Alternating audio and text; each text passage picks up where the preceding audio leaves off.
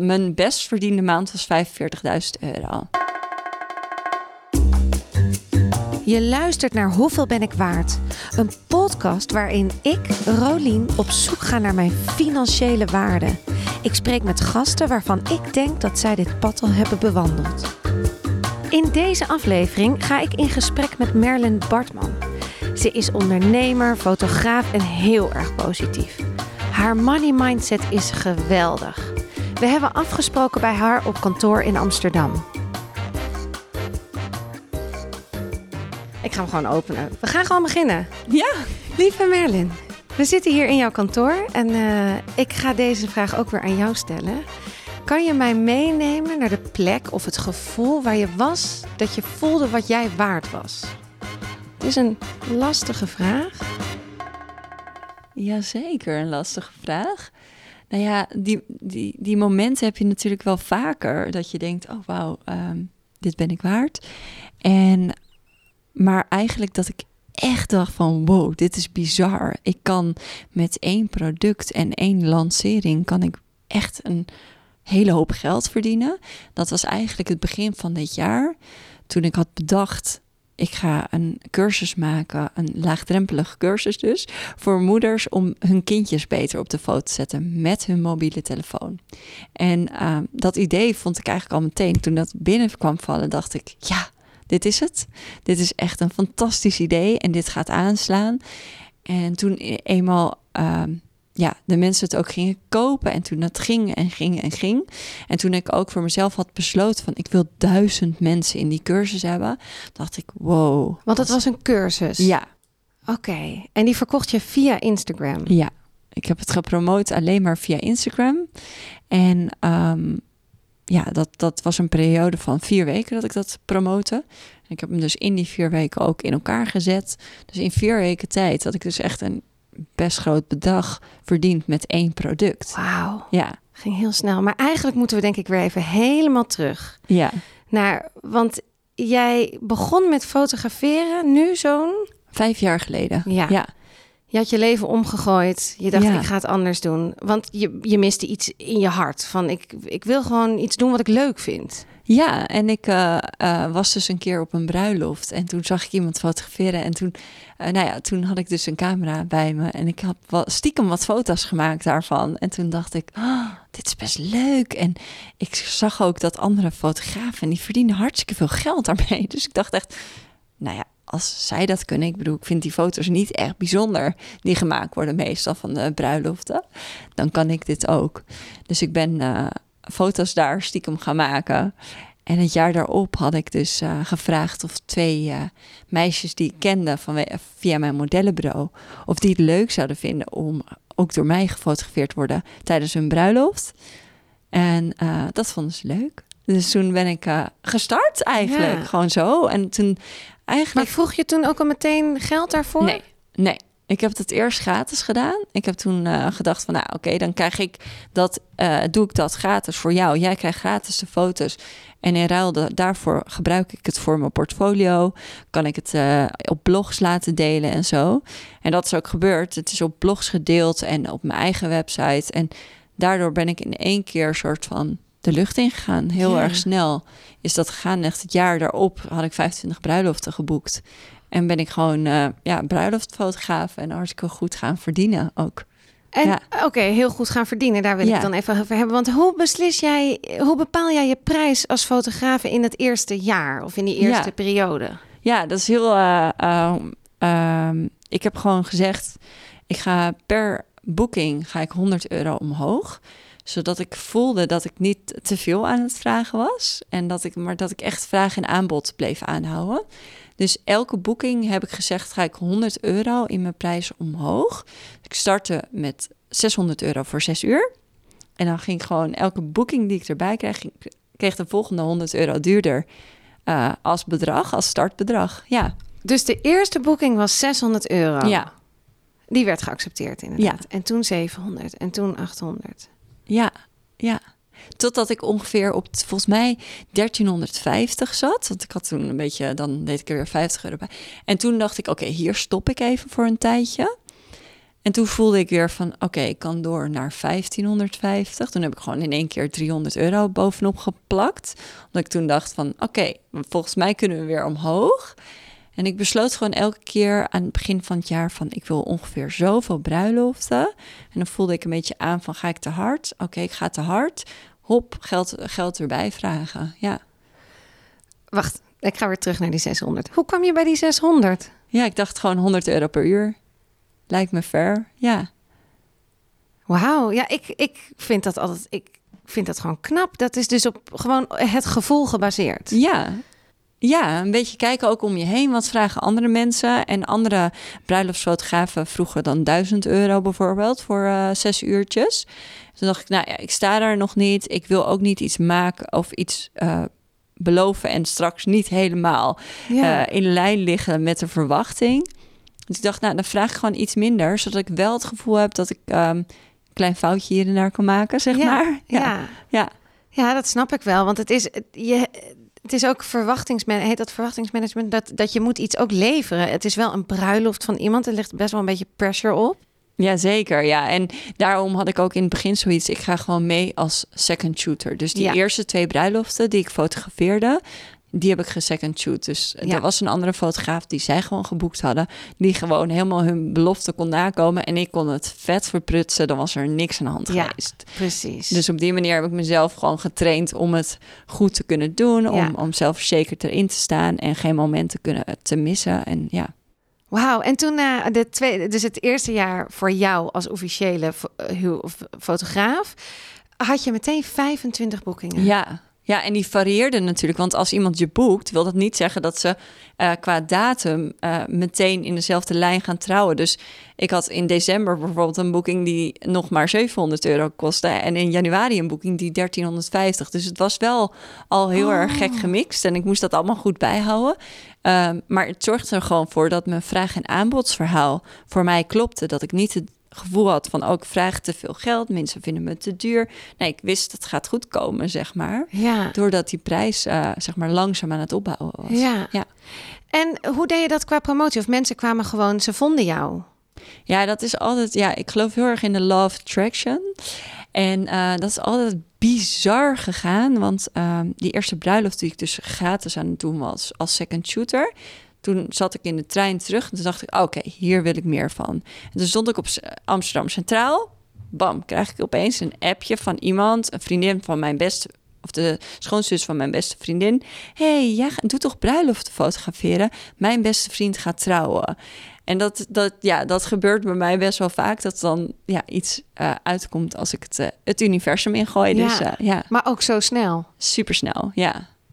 Wauw, dat heb ik echt nog nooit gehoord. Dat je dus echt je, je, je wens en de, de vraag komt meteen, wordt meteen beantwoord. ja, ik schreef ook echt op, zeg maar, in het jaar dat ik bepaalde van ik ga bruiloftsfotograaf wo- worden, schreef ik op van nou, ik wil 16 huwelijken fotograferen, waarvan vijf in het buitenland. En in januari had ik er dus vijf in het buitenland en 16 eh, staan. En dat zijn er uiteindelijk 25 geworden. Jeetje. Dus ehm, ja, dat komt helemaal uit. En de grap was ook dat ik op een gegeven moment had ik dus ehm één bruiloft in het buitenland. Die was afgezegd. Dus toen had ik zoiets van, oh, eh, nou ja, jammer, weet je wel, vervelend. Ze gingen uit elkaar. Nou, helemaal Oh, dat vervelend. is wel een heel lullig verhaal, Ja. inderdaad. Even tussendoor, oké. Ja. En eh, nou goed, toen was ik op vakantie en toen dacht ik, oh, maar dat betekent niet dat ik die vijf heb die ik heb gemanifesteerd. Dan, dus dan moet ik er nog eentje bij in het buitenland. En toen weer, toen was ik terug van die vakantie en krijg in één keer een WhatsAppje toevallig van een vriendin van die eerste bruiloft die in het buitenland ging trouwen en of ik het eh, wilde vastleggen. Ja. Ja, Maar je hebt dus ook wel echt talent voor het fotograferen. Ja. Ja. ja zeker. Ja. En dat en, En vooral heel veel geloof, want ik besloot het en ik geloofde erin. Dus het was niet zo dat ik dacht van oké, ik, ehm, eh, ik heb nooit eerder gedacht dat ik iets met fotografie wilde doen. Eh, nooit eh, zo iemand die altijd maar met een camera rondloopt in haar leven. Ehm, ik loop nooit met een camera verder rond dan dat ik het werk doe, zeg maar. Maar ja, ik, ik had gewoon zoiets, dit kan ik. En op zo'n manier ga ik eigenlijk alles eh, op alles af in mijn leven. Dat ik denk, Ja. ja, ik ga er gewoon vol voor. Ik ga erin geloven. ja. te gek. En hoe ontwikkelde jouw bedrijf zich daarna, dus nadat je ging die boeking doen, 25, en hoe liep het verder? Ja, uh, nou, die bruiloften liepen dus verder. Het jaar erop had ik iets van 30 bruiloften. Nou, dat is niet echt aan te raden, want dat is super zwaar. Ehm, en ik had heel veel uh, family shoots, wat ik geweldig vond om te doen. Hoeveel uh, vroeg je daar voor die family shoot? Ja, daar start ik met denk ik 120 mee, 120 euro. En dat deed ik ook. Elke, dat deed ik dan elke drie boekingen. Deed ik er, um, nou, 25 euro bij of zo. Totdat ik op een gegeven moment op een bedrag zat dat ik dacht, hier moet ik even blijven. Ja. En dan ging ik daarna weer omhoog. En daarvoor vraag ik nu 100, uh, 500 euro. En, um, Voor, en dan ben je, bezig, ben je één dag bezig? Nee, dat is één uur. Eén ja. uur en dan nabewerken en dan Ja. mogen ze Ja. er een paar uitkiezen. Ja, krijgen ze Oké. 30 foto's. Ja. 30 foto's. Dat is wel een eh, pittig bedrag. ja, maar aan de andere kant vind ik het ook heel waardevol. Als ik, wat ik geef, zeg maar. Het zijn echt de foto's van de momenten van je kinderen. En eh, op zo'n manier vastgelegd dat het, dat het heel echt en heel liefdevol voelt. Eh, ja, ik, ik, ik vind het eigenlijk helemaal niet duur. Hier ben ik dus behoorlijk jaloers op. Zij voelt gewoon echt wat ze waard is. Wat het product waard is. En dat haar bedrag dat ze vraagt dus helemaal klopt. Zij draagt haar prijs. En haar klanten willen deze prijs betalen. Precies. En, en op het moment dat je ook iets meer gaat vragen, dan ehm, vinden mensen het ook. Nou ja, die waarde leggen ze dan veel hoger neer. Dus zijn het ook gewoon hele fijne klanten die jou ook heel erg weten te waarderen voor wat je doet. En eh, ze zijn super blij dat je ook zelfs de tijd voor ze vrijmaakt. En ehm, ik heb dan de regel dat ik alleen op vrijdag mijn shoots doe. En dan zitten andere fotografen me aan te kijken. Maar hoe doe je dat? Want eh, bij mij komen ze ik wel zaterdag, bij mij komen ze ik wel woensdag. En ik ben gewoon heel stellig van nee, vrijdag is mijn shootdag. En dan nemen ze vrij om de shoot te doen. En dat is, ja, weet je, die, dan zien die mensen de waarde daarvan in en hebben ze dat ervoor over. En dan worden het ook hele leuke samen, eh, klanten. En ja, dat je echt iets moois gaat maken samen. Dan ja. ga je er vol voor, Ja. zeg maar. Ja. ja, wat kan je mij een beetje vertellen over jouw bedrijf? Want we gaan inderdaad van, je, je bent fotograaf, doe, eh, deed eh, bruiloften, kinderen. Maar inmiddels ben je, ik vind jou echt een imperium hier aan het creëren. maar, en je hebt inderdaad, wat ik, je, ik heb je een keertje hiervoor gesproken. En je bent best wel duidelijk in dat doe ik die dag, dat doe ik die dag. Hoe ziet, jou, hoe ziet jouw dag hier eruit? Of hoe ziet jouw week eruit? Ja, dat is op zich nog steeds best wel eh, verschillend. Eh, maandag, dinsdag, donderdag en vrijdag ben ik aan het werk. De rest van de dagen ben ik met de family. En ehm, op maandag probeer ik altijd een soort van planning van de week te maken. En helemaal eh, een, een, een doel voor de week te stellen. En, ehm, maar bijvoorbeeld deze dag zit helemaal vol met coaching en eh, nou ja, allemaal gesprekken met allemaal mensen om eh, hun weer verder te helpen in hun eigen bedrijf. Uh, want ik ben ook heel veel mensen gaan helpen met hun onderneming. Omdat ik toch, ja, daar gaat mijn hart gewoon weer naar uit. En ja, dus dat gaat hartstikke lekker. En verder, ja, is het ook bouwen aan programma's. Want zoals ik al vertelde, ik heb Mama voor Mini ja. opgezet. Het, die cursus voor moeders. En ik heb daarna een basiscursus fotografie ook gemaakt. Dus dat je leert hoe je je gewone camera moet bedienen. En ik heb een traject voor mensen die als fotograaf um, aan de bak willen, zeg maar. Ja. Om hun helemaal te helpen. En dat is een drie maanden traject. Ja, en dat verweeft natuurlijk de hele ja. tijd. Ja, en dan vrijdag is mijn shootdag, dus dan ben ik niet op kantoor. Dus... Um, want dat kun je nog wel combineren met die andere dingen allemaal. Ja, ja, juist als je het goed plant, zeg maar. Dat je, nou ja, die vrijdag is gewoon de shootdag. En ja. soms is het in het weekend ook een bruiloft fotograferen. En dan ja, gaat dat heel goed eigenlijk. Ja, ja. want die, die, die zo'n drie maanden uh, basiscursus fotografie, dan geef je ook echt één op één. Of is dat in een groepje? Dat is in een groep. Dat is nu een hele groepstraject geworden. En um, dan doen we één keer in de maand een Zoom-call met z'n allen. Waarbij ik uh, vragen, Q&A's doe en ook soms iemand op een hotspot zet. En zij Oh, kunnen ja. dan wel voor een heel laag tarief een coachinggesprek met mij aanvragen, Ja. zeg maar. Um, en daarin zitten super waardevolle opdrachten. En ik heb een hele Instagram-pagina waar echt alle onderwerpen die je maar kan bedenken rondom fotografie, alle vraagstukken die ze hebben, daar heb ik zeg maar ja dan een, uh, een serietje van gemaakt, zodat ze het kunnen be bekijken. Ik noem het ook wel de Netflix van uh, uh, de reprogram, zeg oh, maar. Ja. Dus dan kunnen ze gewoon lekker op hun eigen gemak dat allemaal doorbekijken. Ja. Ze moeten ook eh, elke twee weken een fotoopdracht doen. En die wordt nagekeken. Dus, ehm, En doe je dit allemaal in je eentje? nee, zeker niet. Nee, oké. dus er zit hier ook een team achter. Zeker, ja. Nee, Ja. dat zou ik echt niet allemaal alleen kunnen doen. Ik ben zelf, eh, en dat mag niemand verder weten, maar ik ben best wel chaotisch. dus ik heb een hele fijne, ehm, ah ja, we- hebben het maar projectmanager genoemd. Eh Danielle, die eigenlijk alles rondom het regelen, mijn mailcontact, eh, nou ja, de, de programma's helemaal opzetten. Van sommige dingen heb ik ook echt geen weet Nee. zeg maar hoe het gaat en hoe, het, hoe dat allemaal moet, zou ik wel moeten hebben. Maar ja, ik kan me echt volledig focussen op het creëren en het bedenken van een goed programma of ehm, ja, het, het fotograferen dan zelf. Ja, Maar daarvan laat ik ook de edit soms door iemand anders doen. ja, ja. Ja. Oké. En eh, ik hoorde je ook net zeggen coach. ja. Dat is nieuw. Ja, dat is stiekem eigenlijk niet nieuw. Ik ben altijd bezig als ik iemand hoor die zegt: Ik ben ondernemer. Dan, wat doe je? Wat is Ja. je verdienmodel? Hoe gaat dit? En dan kan ik gewoon een soort van als een soort pitbull kijken hoe je verder en hoe je meer de lucht in kan gaan.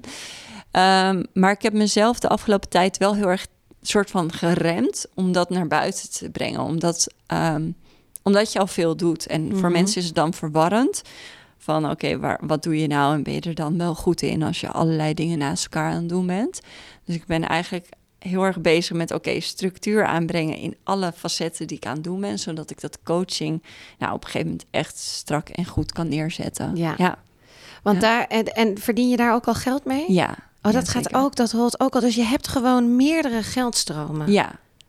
Hey, en hoeveel verdien je dan per maand? Ehm, Nou, maar om en nabij. Ik bedoel, het verschilt dus af en toe ook nog per maand. Ja, want als je bijvoorbeeld een launch doet van een Mama for Mini cursus, dan verdien je daar per keer 30.000 euro mee. Ja, En, ehm, en dan worden er ook heel veel van die presets. Ik heb ook presets, dat is zeg maar een filter wat je over je foto heen kan leggen, die de foto nog mooier maakt. die gaan non-stop door. Die gaan wel non-stop door. En soms geef ik er even een soort van slinger aan, waardoor het weer meer komt. Of een influencer die hem dan gaat gebruiken en die hem deelt.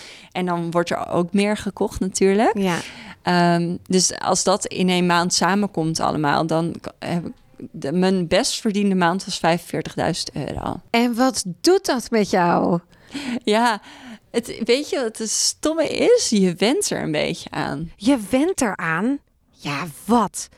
Nou ja, ik begrijp het denk ik wel. Dingen wennen nou eenmaal heel snel. Een groter huis, een grotere auto, meer uit eten, meer afhalen. Maar mijn beste jaar was 25.000 euro in totaal. Dus nee, ik ken het persoonlijk nog niet. Ik denk wel, als ik terugkijk, denk ik... jeetje, wat een jaar en wat hoe bijzonder dat ik het zo ontzettend ehm, ver heb geschopt... en dat ik zoveel voor elkaar heb gekregen met mijn team, hoor. Want zonder hun kan ik het echt niet. Maar eh, je went er een beetje aan en je denkt ook van... oké, wat is de volgende doelstelling, zeg Ja. maar. En daarom ben ik ook wel dat ik mezelf bijna dwing...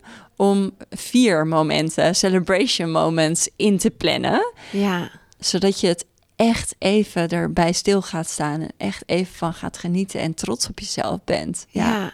ja, Ja, want dat inderdaad, ik weet dit ook van de andere gesprekken met Kim. Die kocht een diamanten ring voor zichzelf. Nou ja, eh, eh, K- Cindy die investeerde heel veel weer in zichzelf. Investeer je ook weer veel in jezelf? zeker. Ja, Dus jij zegt ook iedereen een coach. zeker. Honderdduizend procent. Ja, ja. Nee, weet je wat het alleen al is met een coach? Hè? Het irritante idee dat je er. Ik heb nu een coach die 20.000 euro kost. 20.000 euro per jaar voor een coach. Holy moly. Nu moet ik wel eerlijk toegeven dat ik na al deze gesprekken steeds meer begin in te zien dat een coach echt fijn is. Dat het een toegevoegde waarde is als je wilt groeien, zowel persoonlijk als zakelijk. En dat idee dat jij 20.000 euro over de balk smijt, dan moet het gewoon gaan opleveren. Je denkt echt, ik bijt mijn tanden erin, alles op alles, dat ik hier alles uitzuig wat erin zit. Je gaat veel meer alles opvolgen. Dus ja, een coach gaat je echt verder helpen. Want anders blijf je maar een beetje aanmodderen met wat je aan het doen bent. En kan je ook veel minder de helikopterview zien van je bedrijf. Van waar gaan we heen? In plaats van doen wat je in je bedrijf aan het doen bent. En dat zou fotograferen voor mij zijn. Dan Ja. zou ik altijd maar een beetje be- fotograferen. En hoe kom ik daar dan uit, zeg maar. Maar nu denk ik, hop, helikopterview, wat kunnen we nog meer? En, en, en dan ga je ontwikkelen en creëren dat je, dat je groter gaat. Ja, en eigenlijk vind ik als je het heel even sec bekijkt, eh, fotografie en coach lijkt eigenlijk ook wel op elkaar. Je legt alleen met fotografie de beelden vast van de Mhm. kracht van iemand en jij door praten haal je nu de kracht van iemand uit. Dus eigenlijk klopt het wel in de lijn van jou Ja, dat je dit nu helemaal dat dit nog meer tot uiting komt. Maar 45.000 euro, wauw. Ja, je betaalt natuurlijk ook wel belasting en omzet en weet ik veel wat allemaal. Maar het, het is toch een dream come true. Het is toch, wat kan je nog herinneren wat het eerste was wat je kocht? Ehm, nou, ik heb dus helemaal niks echt voor mezelf. Of tenminste, ik koop natuurlijk wel regelmatig wat voor mezelf. Nou ja, wat ik wel had, eh, zeg maar, toen we Mama voor Mini gingen verkopen, toen hebben we op 750 kaartjes verkocht. Een soort van Hoeveel was zo'n kaartje? 50 euro. Oké.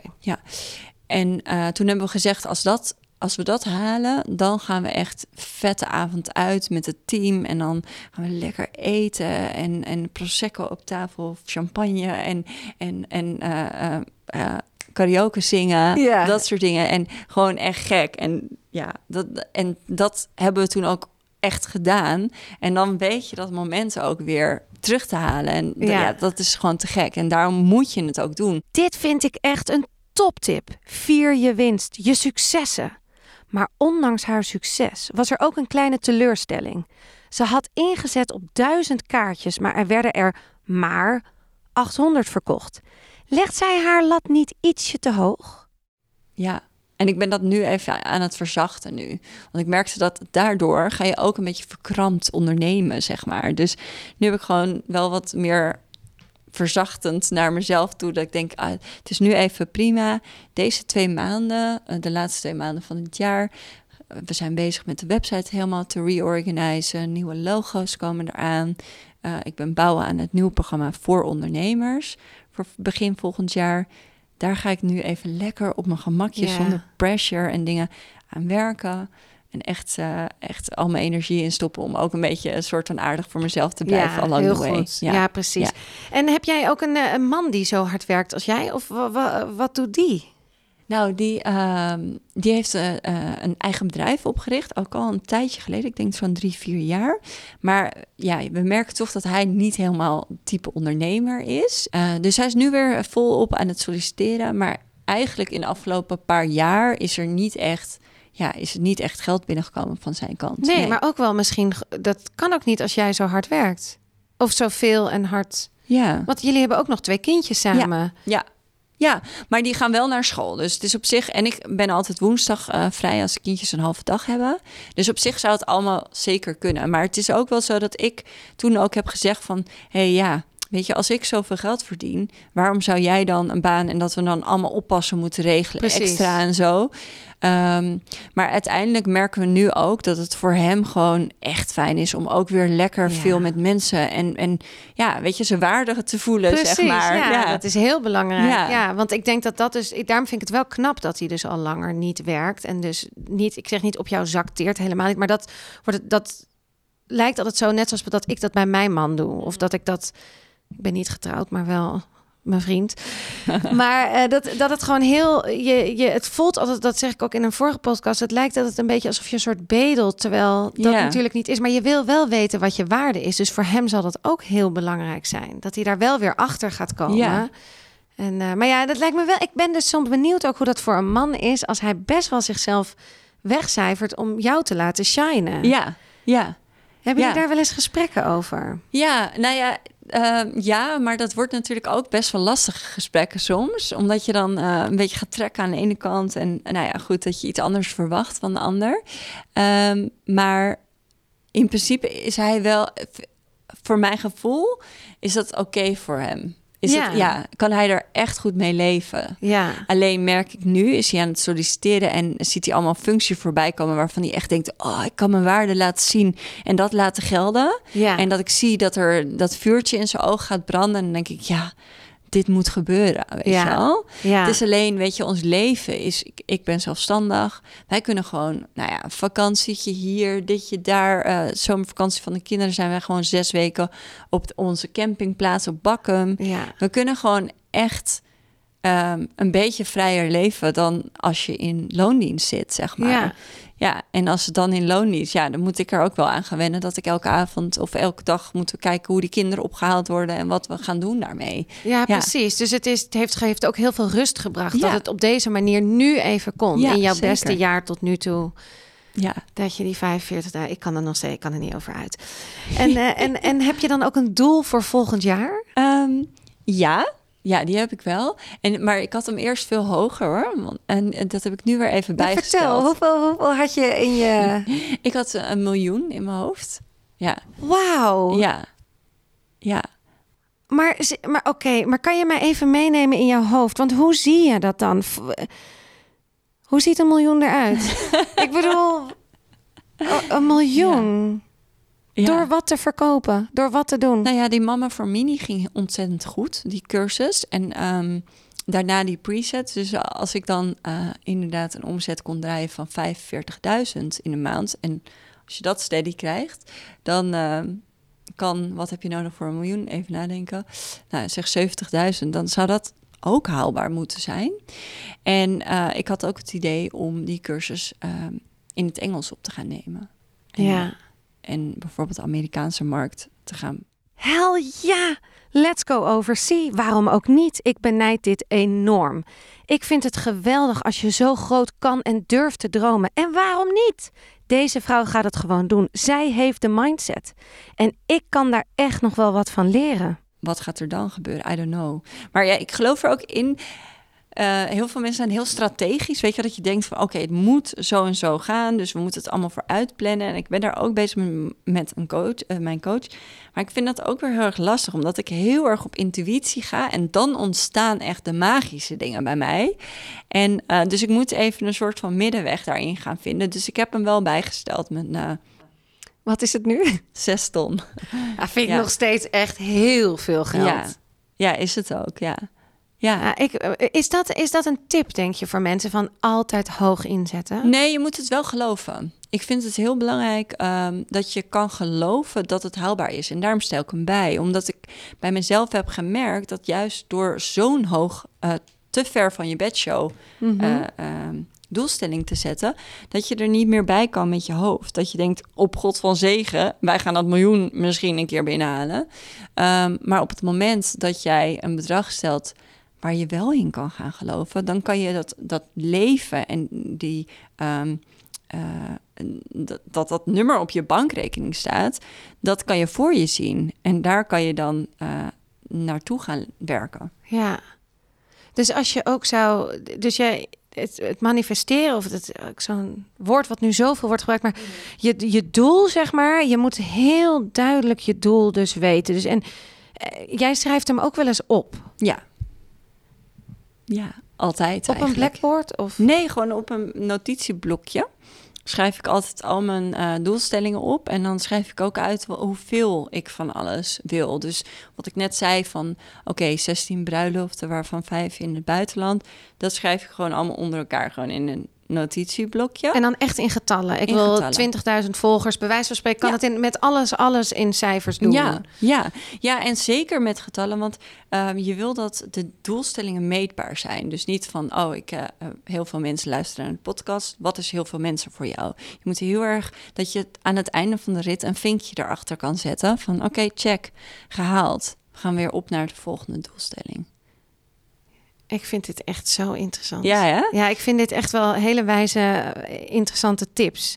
Ik denk dat ook heel veel mensen niet groot durven dromen. Ik durf Nee. ook absoluut niet groot. Dus ik, die waarde voor mij is zo moeilijk, omdat die niet Ja. tastbaar is. Ik, Ja. ik durf niet te zeggen, ik wil 5000 euro per, per maand verdienen. Ik Nee. voel dat ergens dus niet. Nee, jij kan het nog niet voor je zien. En dat is een beetje, daar zat ik laatst ook over na te denken en hoorde ik ook om me heen.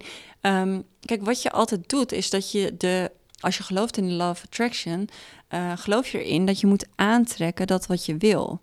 Maar wat er gebeurt in je hoofd is dat je continu het aan het herhalen bent van dat wat je altijd hebt gezien in je leven. Uh, en de bevestiging zit daar van ik voel die 5000 euro niet. En op het moment dat jij uh, echt, en daarom moet je ook opschrijven wat je wil, want dan kan je pas daar naartoe gaan en dan moet je op die langspeelplaat dat verhaal gaan zien Ja. en gaan herhalen, waardoor dat gaat gebeuren uiteindelijk. En by the way, ik ben niet eh, iemand die mega altijd dat verhaal aan het herhalen is. Ik schrijf het gewoon één keer uit. Ik zeg, ik geloof hierin, het gaat gebeuren. En dan, dan denk ik later, oh my god, het is gebeurd. ja, Ja, het klopt. het klopt. En ja, want dat is de, de, de- nog even over die mindset. Ik denk dat het, he- denk je dat het ook zo is dat inderdaad, dus als je de dat die mindset al van vroeger komt, dus dat het verleden, dat je dat je zo geprogrammeerd bent dat je vroeger al als kind of als zag je andere kinderen misschien meer shinen en Mm. dat het dus je eigen het is heel lastig hoe ik dit uitleg.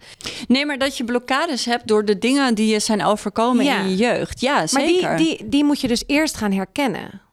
Ja, die moet je gaan. her- Ja, je moet eigenlijk gaan zitten en, en eigenlijk vanuit de meditatie en dan vragen: wat, wat houdt me tegen? Wat zijn die dingen die me tegenhouden?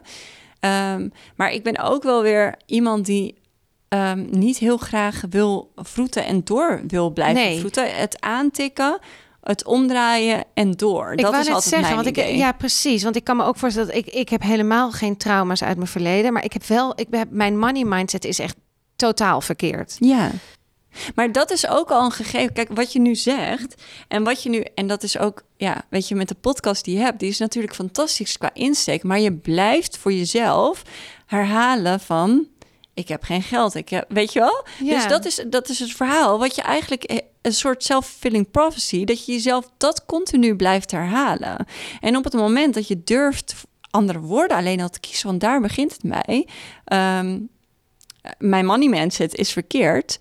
Dat je durft te zeggen, mijn money mindset is goed. En op het moment dat je kan zeggen tegen jezelf... ja, maar Merlin, je, is vette bullshit, man. Mijn money mindset is helemaal niet goed.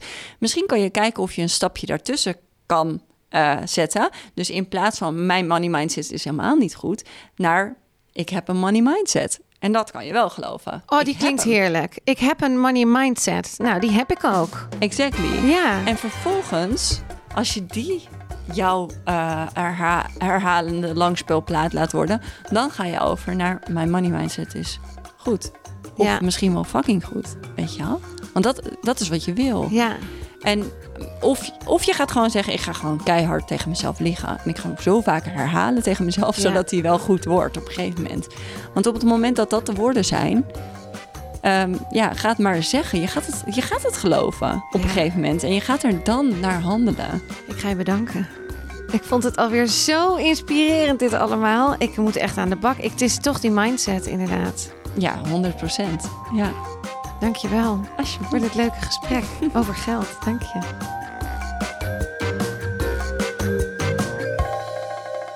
Die laatste vier minuten van ons gesprek raakten mij diep. Hoe praat ik over geld? Waarom heb ik een verkeerde mindset met geld? Ik denk toch echt dat ik die coach nodig heb.